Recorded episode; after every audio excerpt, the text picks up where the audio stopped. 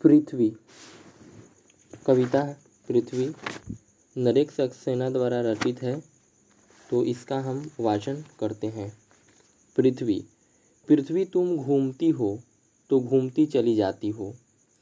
अपने केंद्र पर घूमने के साथ ही एक और केंद्र के चारों ओर घूमते हुए लगातार। क्या तुम्हें चक्कर नहीं आते? अपने आधे हिस्से में अंधेरा और आधे में उजाला लिए। रात को दिन और दिन को रात करते कभी कभी कांपती हो तो लगता है नष्ट कर दोगे अपना सारा घर बार अपनी गृहस्थी के पेड़, पर्वत, शहर, नदी, गाँव, टीले, सब कुछ को नष्ट कर दोगी। पृथ्वी, क्या तुम कोई स्त्री हो? तुम्हारी सतह पर कितना जल है? तुम्हारी सतह के नीचे भी जल ही है।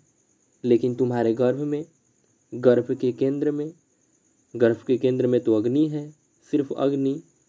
पृथ्वी क्या तुम कोई स्त्री हो? कितने ताप, कितने दबाव और कितनी आर्द्रता से अपने कोयलों को हीरो में बदल देती हो? किन प्रक्रियाओं से गुजर कर कितने चुपचाप?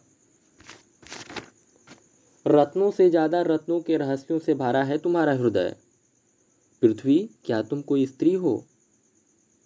तुम घूमती हो तो घूमती चली जाती हो।